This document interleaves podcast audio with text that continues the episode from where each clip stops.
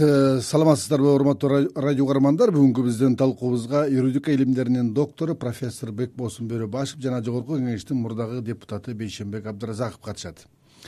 Бекболсун агай мына кечээ жогорку кеңештин кырктан ашык депутаты макул болсо бүгүн мына маалыматта айтылгандай алтымыш депутат кол коюп мурдагы мамлекет башчысы атамбаевдин кол тийбестиктен ажыратып жоопкерчиликке э, чакыруу демилгеси менен чыгышууда буга сиздин оюңузда юрист катары айтсаңыз буга канчалык мындай укуктук негиздер бар эгерде болсо ал кандай жолдор менен ишке ашат? Саламатсыздарбы урматтуу радио угармандар бүгүнкү күндүн актуалдуу маселелеринин бири ошол болуп атат кыргызстанда эми укуктук негизи бар. Анткени бул негиз бар деген себеби жанагы эки миң он эки миң үчүнчү жылы кабыл алынган президенттин ишмердүүлүгүнүн кепилдиги деген мыйзам бар. Мына ошол мыйзамдын он экинчи беренесинде биз менимче ошо он экинчи беренесин биз ушу жарым жылга жакын талкууладык окшойт. Ошо ал берененин негизги предмети негизги маселеси бул баягы экс президенттин кол тийбестиги. Ушул маселени карап атып мына өткөн айдын мына туура бир ай мурун президент кол койду. Ошол мыйзам кирди ишке. Ошол мыйзамдын негизинде экс президенттерди азыр экөө деп атпайбызбы? Ошодогу кылмыш биринчи кол тийбестигин алып анан кылмыш ишин козгогонго болот. Демек бул укуктук негиз бар. Мына бүгүн э, депутаттар атайын депутаттардын арасында комиссия түзүштү эми мындан аркы жол кандай болот комиссия эмне кылат анан э, ар жагы эмне болот? Эми бул ошол жанагы биз карап көрдүк ушул мыйзам боюнча мунун бир нече этаптары бар да эң биринчи мына бүгүн депутаттык комиссия түзүлдү деп угуп атабыз он эки кишиден турган. Ар кайсы фракциядан кириптир мына биринчи этабында булар деген депутаттардын үчтөн бири же болбосо кырк депутаттан кем эмес депутаттар ушундай чечим кабыл алып анан комиссия түзүш керек. Мына бүгүн ошол жанагындай чечим кабыл алып комиссия түзүптүр ошол комиссия эми бир белгилүү бир мөөнөттүн ичинде ушул жанагы э, экс президенттин кылган ишине анализ берип изилдеп карап туруп ушул жакта кылмыш бар деп туруп ошондой жыйынтык чыгарса анда ошол э, депутаттардын чечими жанагы депутаттык комиссиянын атайын комиссиянын чечими кайра жогорку кеңешке келип түшөт. Жогорку кеңештин жарымынан көбү колдосо ал андан ары прокуратурага башкы прокуратурага кетет. Анткени башкы прокуратура ошону жанагы ага ошо жанагы комиссиянын чечиминдеги ошо чыгарган чечими боюнча карап турат да ошодо кылмыштын составы барбы чын эле күнөө кылганбы мыйзам бузулганбы деп ал өзүнүн э, жыйынтыгын түшүндүрмөсүн жыйынтыгын заключение деп атат да жыйынтыгын берет. Ал дагы туура жыйынтык берилип калса эгерде ушул туура экен деп калса ал маселе кайра жогорку кеңешке келет дагы жогорку кеңештин депутаттарынын үчтөн экисинен кем эмеси колдосо ошондон кийин канча депутат ошо сексен депутат. Сексен депутат колдосо демек ошондон кийин баягы э, экс президенттен мурунку президенттин кол тийбестиги алынат дагы андан ары анан баягы э, сот иштерин баштаганга изилдөө иштерин баштаганга жол ачылат ушул сөздү улантсак бейшенбек мырза мына кечээ башталган жараянда бул мурунку жана азыркы президенттердин каршылашуусунан улам э, парламент аркылуу саясий максатта мурунку президенттен өч алуу үчүн ушундай жараян башталды деп атат да. Сиздин оюңуз кандай? Эми биздин отуз жылга жакын тарыхыбызда ушундай система ушундай бийлик түзүлүп калды акаев качканда дагы ошондой болгон тегерегиндейлердин баарын куугунтап камап бакиев качканда дагы алардын тегерегиндейлери камалып бийликке келген киши айтат экен коррупция менен күрөшүп атам деп. А кийиптен качканы болсо айтат экен мени саясий куугунтук болуп атат деп. Мындай ушундай система болуп калды. Азыр да ошондой болот. Бул токтобойт. Кийинки жээнбеков кеткенден кийин андан кийинки президент деле ошондой болот да. Ушундай система болуп калган бизде. Э, албетте эми бул э, баягы мыйзамга такашат мыйзамдуу жолу болот бирок баары бир ушундай система болуп калды. Э, анан муну эми албетте жаңы келген бийлик дагы колдонот. Э, максатында өз максатына жетиш үчүн э, буга чейин деле айтылган баягы бийлик курал кылып кое берип атат күч органдарын колдонуп атат деген сөздөр отуз жылдан бери айтылып келеатат мындайын дагы отуз жылдан бери бою дагы айтыла бере турган болду да. Анткени себеби бизде система ушундай болуп калды. Мына өзүңүздөр көрдүңүздөр отуз жылда отуз өкмөт алмашты туурабы.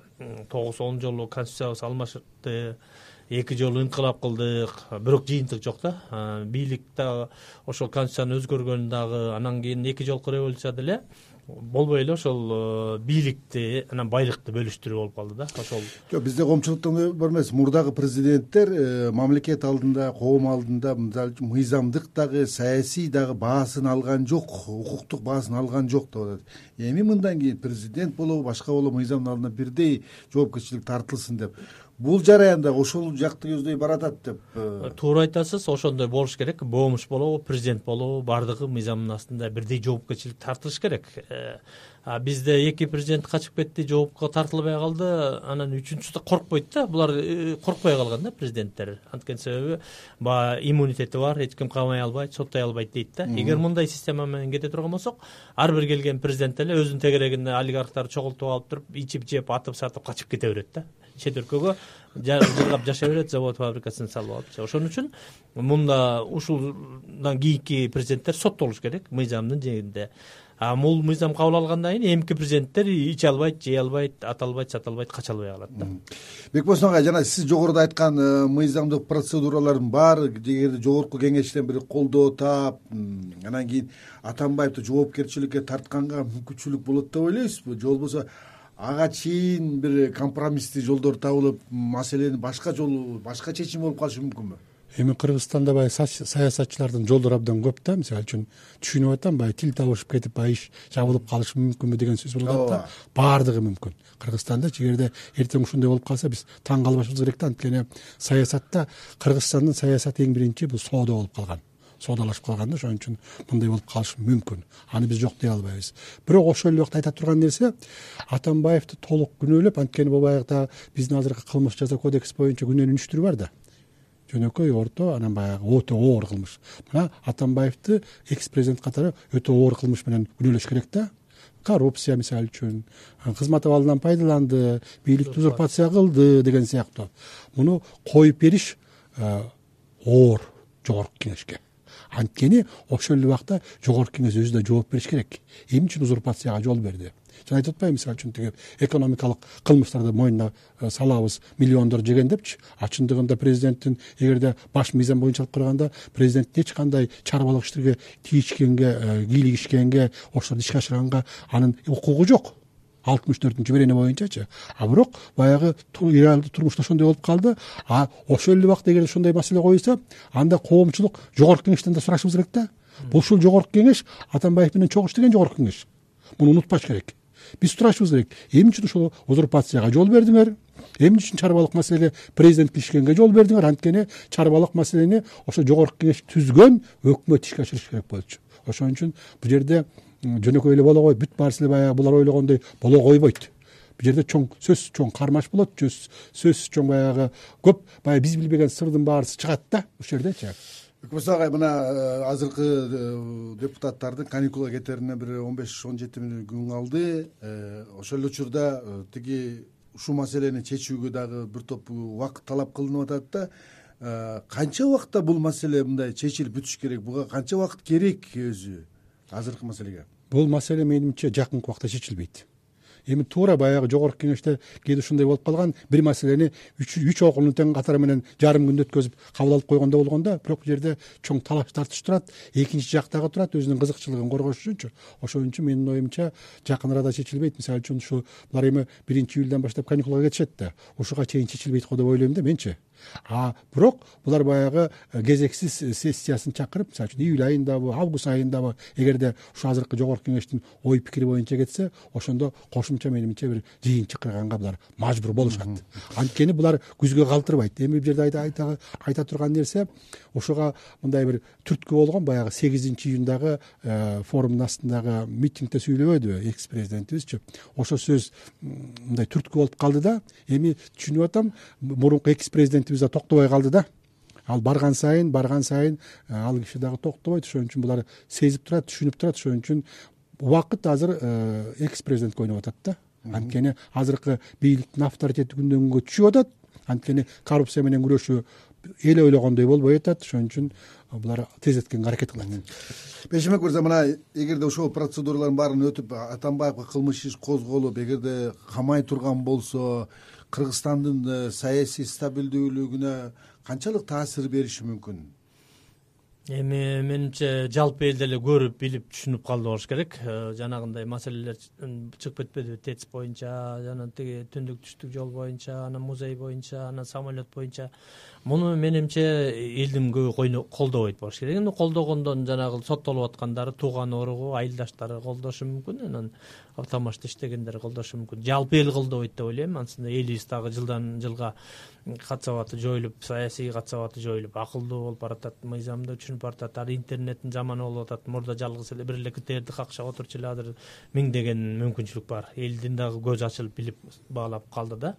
Ошон үчүн эл колдобойт болуш керек. Э, кечээ деле чыкыр чогулган жыйын көрдүңөр го көп деле киши жок эле чал кемпирлер чогултуп келиптир. Э, мындай бирок эми кыргызстандын тажрыйбасында э, саясий көз караштары үчүн же болбосо позициясы принциптери үчүн эмес э, акча үчүн же болбосо башка кызыкчылык үчүн дагы көчөгө чыгып жардам бериши мүмкүн да албетте тем более экс президентибиз өзү айткан эки жолку тең революцияны мен кылгам деп. Бул жолун билет сценарий даяр акчасы даяр колдонушу мүмкүн. Бирок жалпы эл колго албайт деп ойлойм. Анан он миң киши чогултам кайра революция кылам деп айтып атканына караганда баягы мурдакыдай ойлоп атат да. Азыр эл башка да андай эмес э, акча таркатышы мүмкүн. Жанагындай ар кандай иштерге барышы мүмкүн бирок э, мен ойлойм эл э, жалпы эл колдобойт болуш керек деп ойлойм. Анын үстүндө бул ойлоп атат да оңой эле болуп калды. Анын үстүндө могу эки миң онунчу жылкы болгон революция оңойлоп салбадыбы бийликке келиш азыр эрте турган эле бети жууган бети жуубаганда эле барып ак үйдү басып алса болот да жетинчи этажга жетип алса болду да декрет чыгарып отура берет катары мененчи бул эң оңой жол кылып салышты да. Мурда дагы кой болбойт мыйзамды бузбаш керек конституцияны бузбаш керек деп тиги жок дегенде жогорку кеңешке келип мыйзамдаштырып алыш керек эле да. Эки миң жетинчи жылы э, онунчу апрелде революциядан кийин эки миң онунчу апрелде мен чыгып сүйлөгөм мыйзам талаасына чыгалык келелик э, кыргызстан деген рельстен чыгып кетти мыйзам. Биз депутаттар бир жарым саатка чыгалы да отунбаеваны спикер кылып шайлап берелик. Анан мыйзам талаага түшөбүз дагы ошо отунбаева башкара берсин биз таркап кетели деп. Анан текебаев мен ак жолдон бата албайм деп кетип калган да. Мына ошонун аягы эмне менен бүттү? Мына э, бишкектен жүз киши өлдү июнь окуясы болуп кетти кийин аяктан беш жүз киши өлдү. Негизинен алганда алты жүз киши өлүп кетти да алты жүз кишинин канын акталган жок да бул революция мына э, свет эки сом он алты тыйын болду. Баягы беш сомдук э, телефонуңуз алтымыш тыйыныңыз азыр алты сом болду. Светиң эки сом он алты тыйын болду. Ошончо киши өлдү. Ал бийлик деген актаган жок ошончо кандычы бул азыр ишенип кайра революция кылып атам деген сөзү ошодо бул барам дагы декрет чыгарып отура берем бул декрет дегенди жоготуш керек. Мына мыйзамды депутаттар жогорку кеңеш кайра карап муну декретти жокко чыгарыш керек дагы кийинки революция кылган киши декрет кабыл албай тургандай кылыш керек да. Декретти мыйзамсыз деп табышыбыз керек да. Бул эң жол эң оңой жол болуп калат да. Муну кийин туура азыр баягы саясатчылар келип революция кылып бийликке келди дейли. Ушундай эле жол менен криминал келиши мүмкүн эртең. Декрет чыгарып отура берет. Эртең тиги халифат түзөм дегендер хизбут такыр келиши мүмкүн да. Бул өтө чоң коркунучтуу нерсе да. Эки миң онунчу жылы чоң коркунучтуу нерсеге жол ачылып калды. Бул декрет деген баляны жок кылыш керек да агай мына атамбаевдин кол тийбестен ажыратып жоопкерчиликке тартууга келгенде бир кандайдыр бир мындай э, э, эң негизги негиз эмне болуш керек да? Укуктук жактан айталы. Э, азыр атамбаевго коюлуп аткан нерседе мисалы үчүн саясий да бир кинелер коюлуп атат. И ошол эле учурда экономикалык тараптагы багыттагы бир суроолор да коюлуп атат да коррупцияга байланышканчы. Эң негизги көңүл бура турган нерсе эмнеге болуш керек да? Мисалы үчүн эмоция калтырбай укук талаасында чече турганчы эң негизги нерсе мисалы үчүн бизде биздин коомдо мамлекет менен элдин ортосунда мамиленин дисбаланс болуп калышы. Экөөнүн ортосунда мамиледе тең салмактуулук жок. Бул мисалы мисалы үчүн мамлекеттик бийликтин укугу өтө көп өтө мүмкүнчүлүгү көп. Элде ал жок. Элде жоопкерчилик көп укуктук баягы ыйгарым укуктар ошо мамлекеттик бийликти көзөмөлдөгөн. Ушул жок да ошонун көрүнүшү мына бүгүнкү баягы экс президенттен тиги э, кол тийбестен ала ал деп аткан ошол да. Мына карап көрсөңөр мына акыркы сөздөрдөчү э мына биздин баягы жогорку кеңештин депутаттары бүт баарысы эмес айрымдары айрыкча жанагы төбөлдөрү да. Булар мыйзамдардын көпчүлүгүн өздөрүнүн кызыкчылыгына көздөп жаза башкан да. Мисалы үчүн депутат болуп жүрсөң дагы сен кол тийбестигиң бар. Депутаттан кетсең дагы милиция болосуңбу прокурор болосуңбу сот болосуңбу депутат болосуңбу мына кечээ аида сарыянова боюнча сөз чыкпадыбы э экс прокурорго кол тийбестиги бар депчи. Булар өздөрүнүн кызыкчылыгын коомдукунан жогору коюп алышкан. Мисалы үчүн бүгүн бийликте отурам кол тийбестик эртең кетип калсам да кол тийбестик депчи. Мына ушулардын көрүнүшү ушундан чыгып атат да. Ошон үчүн жанагы эң негизги маселе бул акыйкаттуулук керек. Коомдук адилеттүүлүк керек да адилеттүүлүктү орнотуш керек. Анан мен айтат элем болуптур эртең атамбаевди отургузабыз э бирок жалгыз эле атамбаевди отуруп койгон менен система өзгөрбөйт. Мен бейшенбек э, коллегама толук кошулам системаны өзгөртүш керек. Мына эгерде ушул система ушул бойдон кала берсе төрт жылдан кийин беш жылдан кийин ушу жээнбековдон биз да сурайбыз ичкениң жегениң бар экен агайын тууганыңды койгонуң бар экен күйөө балдарды тигинткениң бар экен депчи. Ал киши да жооп берет ошон үчүн биз системаны өзгөртүш керек. Система демекчи бейшенбек мырза мына э, өткөн э, доор үчүн өткөн алты жыл үчүн э, парламенттин бир топ депутаттары анын ичинде ксдп фракциясынын лидери дагы иса өмүркулов өзү атамбаев президент болуп турганда бир нече мыйзам бузууларга барган деп күнөөлөп атат. Ошол эле учурда бүгүнкү учурда коомчулукта бүгүнкү президентке да катуу сындар бар ошону көрүп отуруп эмне үчүн биздин депутаттар ак же көк деп айта албайт. Буга эмне себеп болуп атат бизде азыр система ошондой болуп атат. Могу парламенттик башкаруунун бир өзгөчө бир жаман жагы жанагындай болуп атат да. Президентти бул э, э, баардыгы бийлик бирин бирин э, коргоп жата берет экен да. Парламент өкмөттү өкмөт президентти баардыгы биригип алып президентти коргоп жата берет экен да мурда оппозиция болуп депутаттар деген президентке каршыларды айтып өкмөт туура эмес кылса иштерин көтөрүп чыкчу эле да. Азыр баардыгы бир болуп алып туруп эле анан келген мыйзам баарын эле түшкө чейин эле добуш берип өткөрүп коет атпайбы бир окуудан бул система. Анан бизде деген жанагы нукура бүгүнкү күнү парламенттик башкаруу деле жок болуп атпайбы парламенттик башкаруу мындай болбойт. Партиялык системада өлгөн система да бизде. Азыркы күнү партия эмес биздики жабык акционердик коом да Э, бүгүнкү күнү кыргызстанды мен айтар элем кыргыз мамлекет эмес бул жөн эле бир э, экс президент иштеп турганда бир акционерный общество кыргыз автомаш болуп калган да азыр мына акционерный общество райым миллиондуку да азыр. Мына ушундай система болуп атат да. Бул э, эмки президент келсе да ошондой болот да. Эң өкүнүчтүү нерсеси президент убакыт турганда аны эч ким жоопко тарта албайт да. Министрлер да жоопко тарта албайбыз да. Анткени бирин бири менен чырмалышып калышкан да. Ошон үчүн системаны өзгөртпөсөк ушул система менен бул жүз жылдан кийин келсек деле ушундай система боло берет да. Кайра кайра революция болуп бирин бирин камап бирин бирин куугунтуктап Э, опоң чычап ойноп жүрө берет да. Могу кыргызстанда бир э, жетимиш жыл чогулткан байлыкты басып алган бир эки жүз киши бар. Ошол эки жүз киши эле опоң чычаган ойноп эле келатат да отуз жыл. А бул дагы отуз жыл боло берет. Булар неберелери чеберелери чоңоет да анан ушулар эле бийликте жүрө беришет да. Ошон үчүн системаны түп тамырынан бери өзгөртүш керек да. Мына азыр э, бир эле жыл убакыт калды. Же конституцияны өзгөрткөн жок же шайлоо мыйзамын өзгөрткөн жок. Баратабыз. Мына азыр шайлоо ошондой эле өтөт мурдакыдай эле өтөт. Баягылар эле келет олигархтар. Эчтеке өзгөрбөйт да. Эң өкүнүчтүүсү ошол бекболсун ага эмне үчүн биз бийликте турган президентке өз убагында эчтеке айта албайбыз. чындыкты айта албайбыз? Абдан жакшы суроо да жанагы ушунун себебин караш керек да эмне үчүн мына кечээ атамбаев турганда мурдагы күнү бакиев турганда акаев турганда жогорку кеңеш унчук алган эмес бүгүн да унчук албай атат бүгүн да мактап атат. Сиз эле кыйынсыз депчи э эртең кетсе жамандайт бул эмне себептен болуп калды? Мунун себеби мындай? Мисалы үчүн обычно мындай да ким сени бийликке алып келсе ошол тагдыр ошо сенин тагдырың ошо ошол кишинин колунда демек бизде кыргызстанда жогорку кеңеш мына өздөрү ачык эле айтпадыбы? Мисалы үчүн тизмени өзү түзгөн кайсы партия кире турганын өзү көрсөткөн депчи.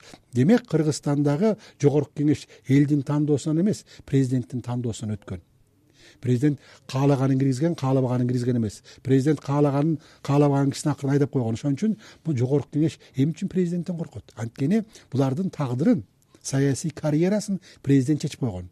Эгерде чындыгында эле шайлоо болсо анда булар элден коркмок. Эртең элге барганда эмне деп жооп берем депчи? Булар элден коркпойт эсептешпейт. Анткени бизде шайлоо жок. Эң негизги маселе ушул. Ошон үчүн ушундайга биз барып атабыз.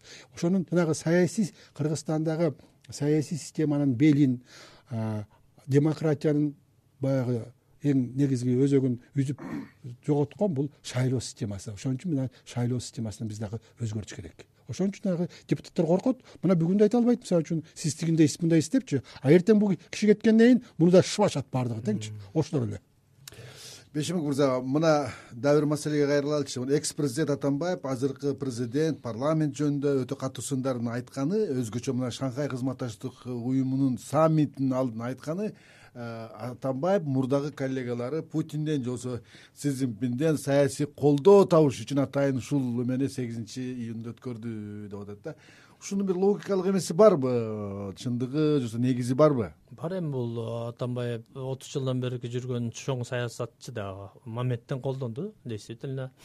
Колдонуу ошол президенттер келерде асынып мен бармын мен да бир карап койгула деген бул сигнал да белги тигилергечи.